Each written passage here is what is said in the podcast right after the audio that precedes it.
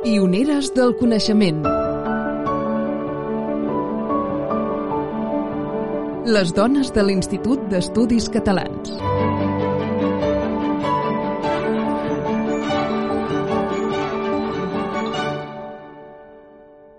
Capítol 6è. Mercè Durfort, biòloga de cèl·lules i teixits.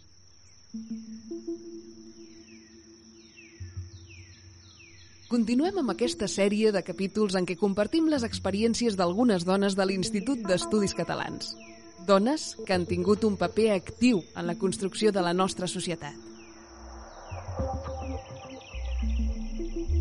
Benvingudes al sisè episodi de Pioneres del Coneixement, les dones de l'Institut d'Estudis Catalans. Avui parlarem de Mercè Durfort i Coll, una biòloga que es va especialitzar en les cèl·lules i els teixits. Mercè Durfort va ser una de les primeres dones membres de l'Institut d'Estudis Catalans. També va ser sòcia d'honor de la Institució Catalana d'Història Natural i de la Societat Catalana de Biologia, filials de l'IEC. A més, va ser la primera dona en accedir a la Reial Acadèmia de Ciències i Arts de Barcelona. Per apropar-nos a la figura de la doctora Durfort, hem entrevistat persones que la van conèixer i que hi van treballar.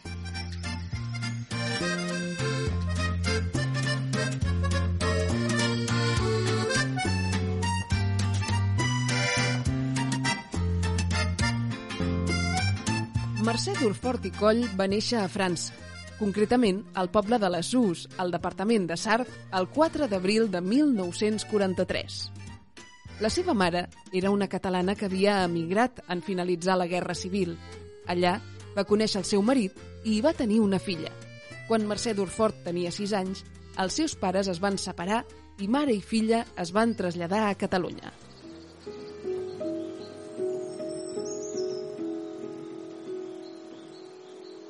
A la seva família no hi havia cap científic, però a Mercè Durfort, des de ben petita, li van interessar els animals, les plantes i la natura.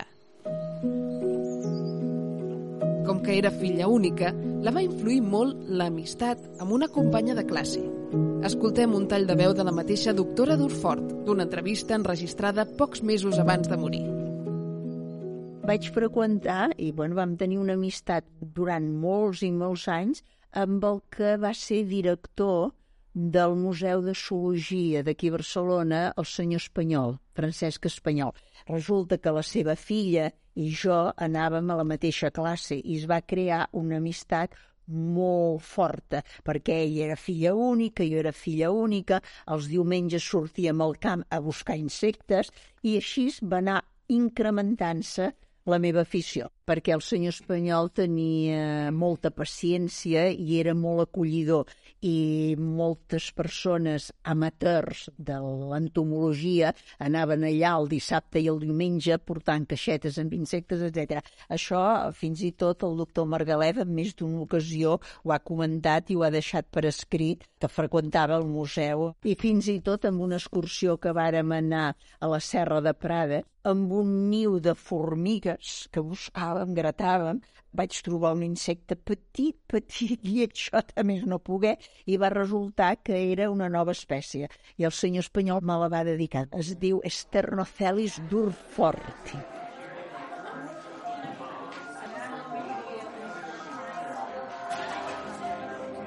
Quan Mercè Durfort va decidir anar a la universitat, hauria volgut estudiar-hi medicina, però la seva mare li va dir que una dona no tindria credibilitat en aquella professió.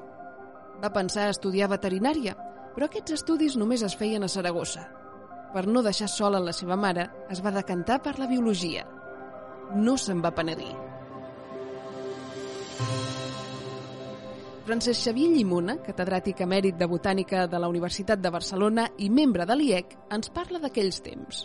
Jo la vaig conèixer com a companya de curs, la seva mare estava separada del seu pare i va haver de fer un esforç molt gran per eh, poder-li pagar la carrera. Llavors ella se sentia molt obligada cap a la seva mare i es va abocar molt amb la relació aquesta. De manera que les organitzacions així més lúdiques d'estudiants, doncs ella no hi va participar. Com a company de curs em va passar una mica desapercebuda. A partir del moment en què vam començar a compartir feines de docència és llavors quan la vaig descobrir. Hi havia pocs mitjans, però ens van tocar tota aquesta llista de professors, dels més coneguts, el Margalef, el seu cap, el Lluís Vallmitjana, el Arturo Caballero, també el professor de Fisiologia Vegetal, el Francisco Pons, que era un excel·lent docent de Fisiologia. Eren eminències però que estaven en un període difícil de seguida els nostres caps, eh, la mitjana per part d'ella i l'Oriol de Bolós per part meva, van confiar en nosaltres amb la feina de classes pràctiques. Després es van dirigir les tesis, més o menys vam llegir les tesis al mateix temps, són pocs anys de diferència, jo formava part una mica del grup dels naturalistes. Llavors, en aquella època, distingíem entre el que en dèiem els biòlegs de bata i els biòlegs de bota. Joan Vallès, catedràtic de Botànica de la Universitat de Barcelona i membre de l'IEC, ens parla de l'especialitat de Durfort, la histologia i la citologia animal. La citologia és l'estudi de la cèl·lula, de la cèl·lula animal o vegetal o bacteriana, un estudi de la cèl·lula i, per tant, de la morfologia de la cèl·lula, de la fisiologia de la cèl·lula, del comportament, de la genètica cel·lular i la histologia, tant animal com vegetal, és l'estudi dels teixits però els teixits finalment són conjunts de cèl·lules. En un cas mirem només la cèl·lula i en l'altre mirem com la cèl·lula s'agrupa i forma un conjunt de teixits que tothom ho sap, és evident que no és el mateix un múscul que un os o que en les plantes no és el mateix l'escorça que el que hi ha al mig per on passa la saba, etc. I ella feia totes dues coses. La histologia requereix molta pràctica i Durfort necessitava passar moltes hores al laboratori estudiant els teixits. Quan va ser l'hora de preparar la tesi, Mercè Durfort va comptar amb un gran ajut, el nou microscopi electrònic Philips 200. De fet, la seva tesi va ser la primera de caràcter ultraestructural que es va llegir a la UB, Joan Vallès ens explica què suposa treballar amb un microscopi electrònic. El microscopi que fem servir els que treballem i que volem veure coses petites, fem servir bàsicament el microscopi òptic, o a vegades fins i tot una lupa, una lupa que pot ser monocular o binocular, però a vegades un microscopi, bé, normal, òptic, que en diem n'hi ha prou. Però el microscopi electrònic, en comptes de fer passar un feix de llum per la mostra i, i veure què veus, com veus aquella mostra ben fina amb, amb el feix de llum que hi passa, es basa, no en sóc especialista i ho explico molt en general, s'assembla una mica més a una televisió de les antigues, almenys de les de raigs catòdics i tot això, perquè no passa un feix de llum, sinó un feix d'electrons que o bé impacta sobre la mostra o bé passa per la mostra i aleshores veiem les imatges reproduïdes. Però en el microscopi electrònic no hi ha llum, evidentment hi ha electricitat, però no és un microscopi fotònic que es pot augmentar moltíssim més i un microscopi electrònic ve a ser una estructura molt més complexa que l'òptic que una de les coses que et permet és veure les mostres que tu vols veure amb molts més augments dels que podries amb un microscopi òptic. Això vol dir que sempre s'ha d'usar un microscopi electrònic i hem de deixar l'òptic de banda? No, posaré un cas en el pol·len. El pol·len sabeu que la gent el coneix, entre altres coses, per les al·lèrgies. Doncs bé, hi ha gent que mira quins pol·lens hi ha a l'ambient en aquests moments, per prevenir, mireu els al·lèrgics als xiprers, mireu d'apartar-vos en ara perquè hi ha la gran floració, etc. Per fer això no cal un microscopi electrònic, amb això un microscopi òptic tu veus perfectament com és el, el pol·len del xiprer. Ara bé, si tu volessis veure l'ultraestructura, l'estructura íntima, o bé la superfície molt i molt augmentada per veure una ornamentació, llavors sí has de passar cap al microscopi electrònic. Escoltem Francesc Xavier Llimona. Les imatges estan relacionades amb la realitat i el científic ha de saber interpretar les imatges per descobrir el lligam que tenen amb la realitat. Mercè Durfort va llegir la tesi l'any 1973, quan tenia 30 anys.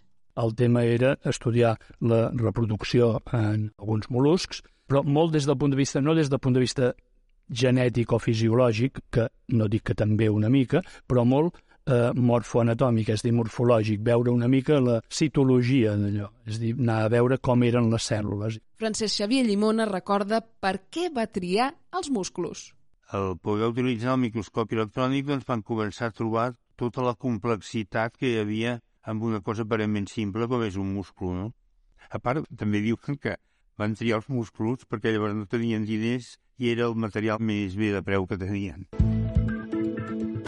Mercè Durfort inicià l'activitat docent a la Universitat de Barcelona l'any 1965, quan la facultat era l'edifici històric, situat a la plaça de la Universitat, i el director del Departament de Citologia i Histologia era el doctor Lluís Vallmitjana i Rovira.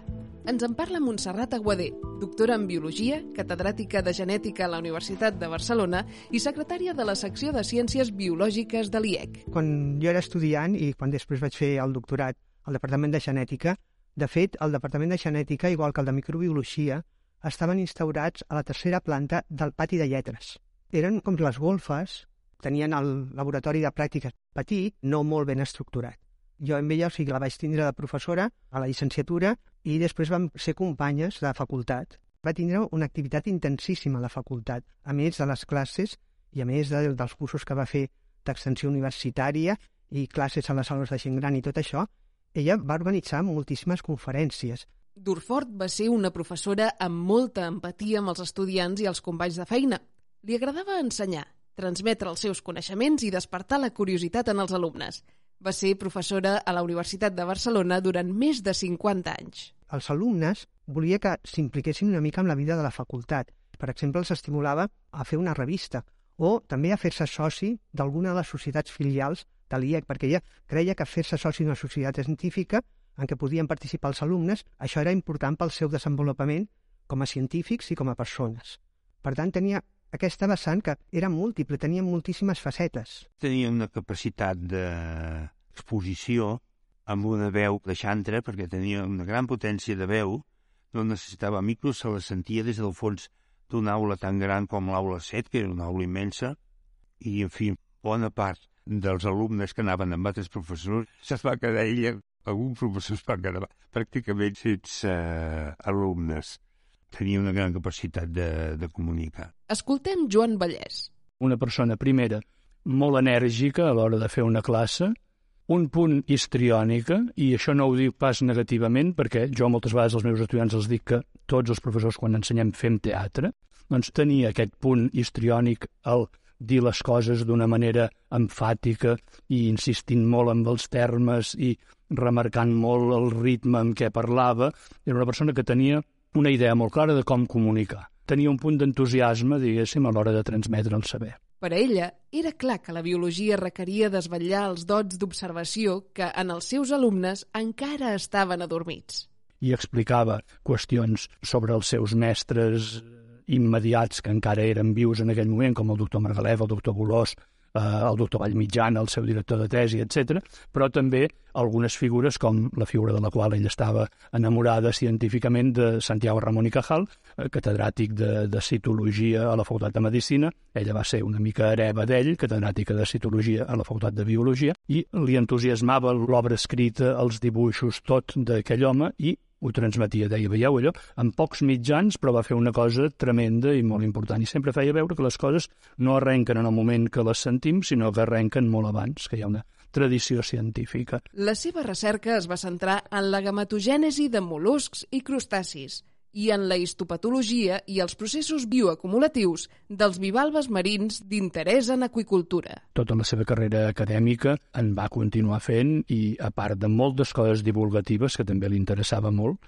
i que potser és el que la gent coneix més de fora, coses que ell ha fet divulgativa, fins a vídeos que difonen com es pot treballar amb fer preparacions senzilles histològiques, però gairebé casolanes. Si algú li fes gràcia, té una planta amb un test i vol veure l'estructura de la seva fulla, no cal que sigui un biòleg i un gran especialista. Ella feia coses que eren bastant senzilles però, és clar, evidentment, anava treballant en la seva especialitat, des de biologia reproductora d'animals, citologia i histologia d'animals, les seves conseqüències amb algunes qüestions com contaminacions d'aigua o possibles contaminacions de mol·luscs, etc. És dir, continuar investigant fins que es va jubilar i més enllà, segur. Evidentment, els seus treballs van ser citats i molts encara mantenen la seva vigència. L'any 1982 va viure el trasllat de la seva facultat al campus de Pedralbes i va participar activament en l'organització dels actes d'inauguració de la nova seu, entre els quals hi va haver conferències de científics de gran rellevància,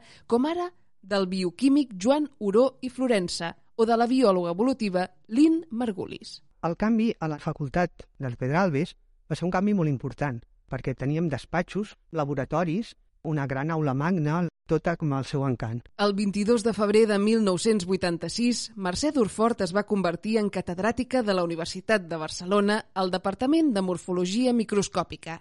Era la primera dona catedràtica de la Facultat de Biologia. Tenia 43 anys.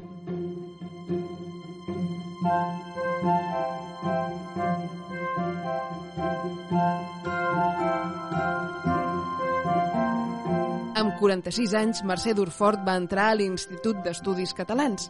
En va ser la segona dona membre, després de Creu Cases, que hi havia entrat el 1978. A l'IEC, a més, va ser presidenta de la secció de Ciències Biològiques entre el 1994 i el 2000. Va ser notable que fos la primera membre dona de la nostra secció. Quan jo vaig entrar, diguem-ne, ella ja remenava les cireres.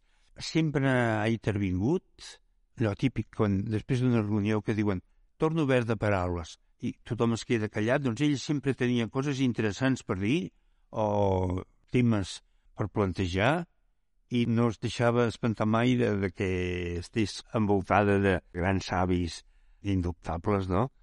I nosaltres estàvem una mica mig camí. Primer va ser secretari de la secció i després va ser presidenta i jo recordo a l'època de presidenta realment se'n va cuidar molt. Era una persona que no s'espantava mai, no, no la veig mai atorrollada. I alguna vegada deia, ai, que estic cansada. Al plegar, al plegar d'una reunió deia, ai, que estic cansada. Jo sempre contestava el mateix, els cansats fan la feina, que és una expressió catalana típica. En realitat deia que estava cansada, però no ho estava. Va ser pionera en qüestions de terminologia científica, de, de ser molt acurat amb la terminologia i d'aplicar-ho a la llengua catalana.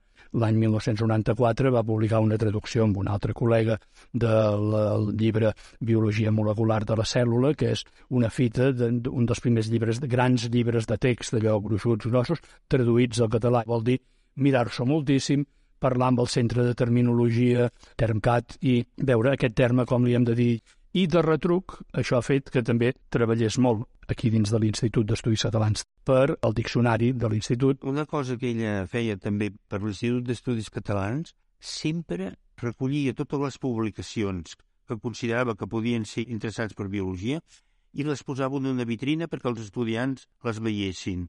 I això també era una cosa de visibilitzar, diguem-ne, la feina de l'Institut d'Estudis Catalans davant dels estudiants, que sempre és molt difícil.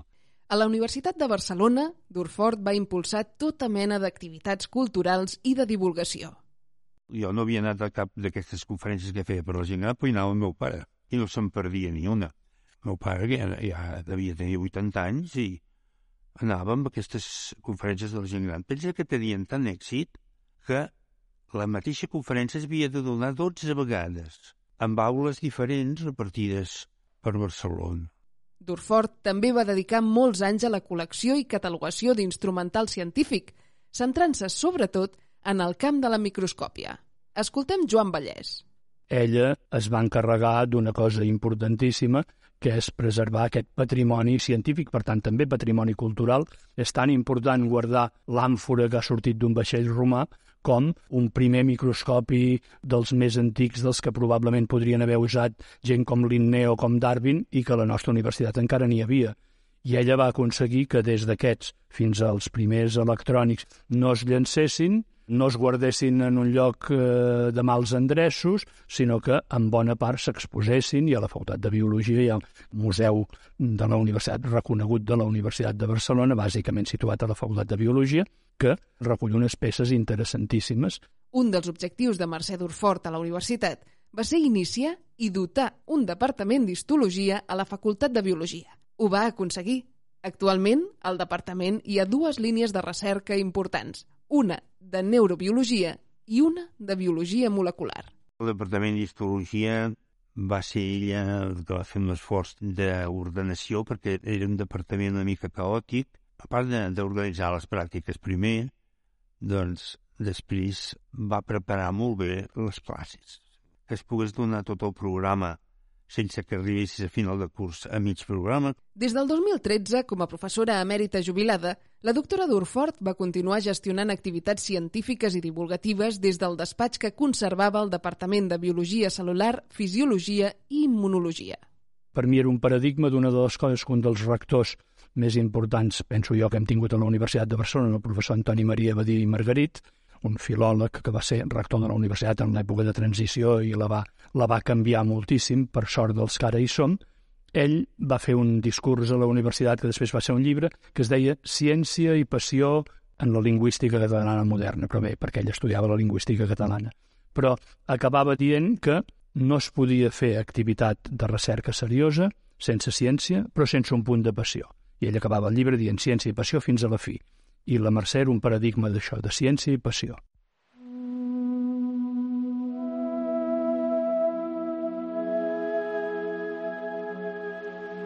Va ser reconeguda amb la medalla Narcís Montoriol al mèrit científic i tecnològic l'any 2001 i amb la Creu de Sant Jordi de la Generalitat de Catalunya el 2004.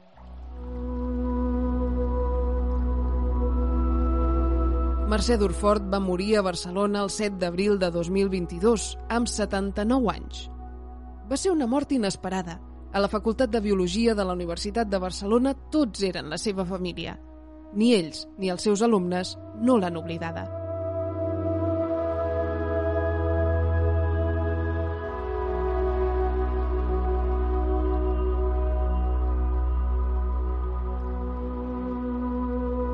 Moltes gràcies per escoltar-nos. Us convidem a comentar i a compartir aquest contingut a les xarxes i a seguir-nos en els propers capítols de Pioneres del Coneixement, les dones de l'Institut d'Estudis Catalans. Fins al pròxim capítol.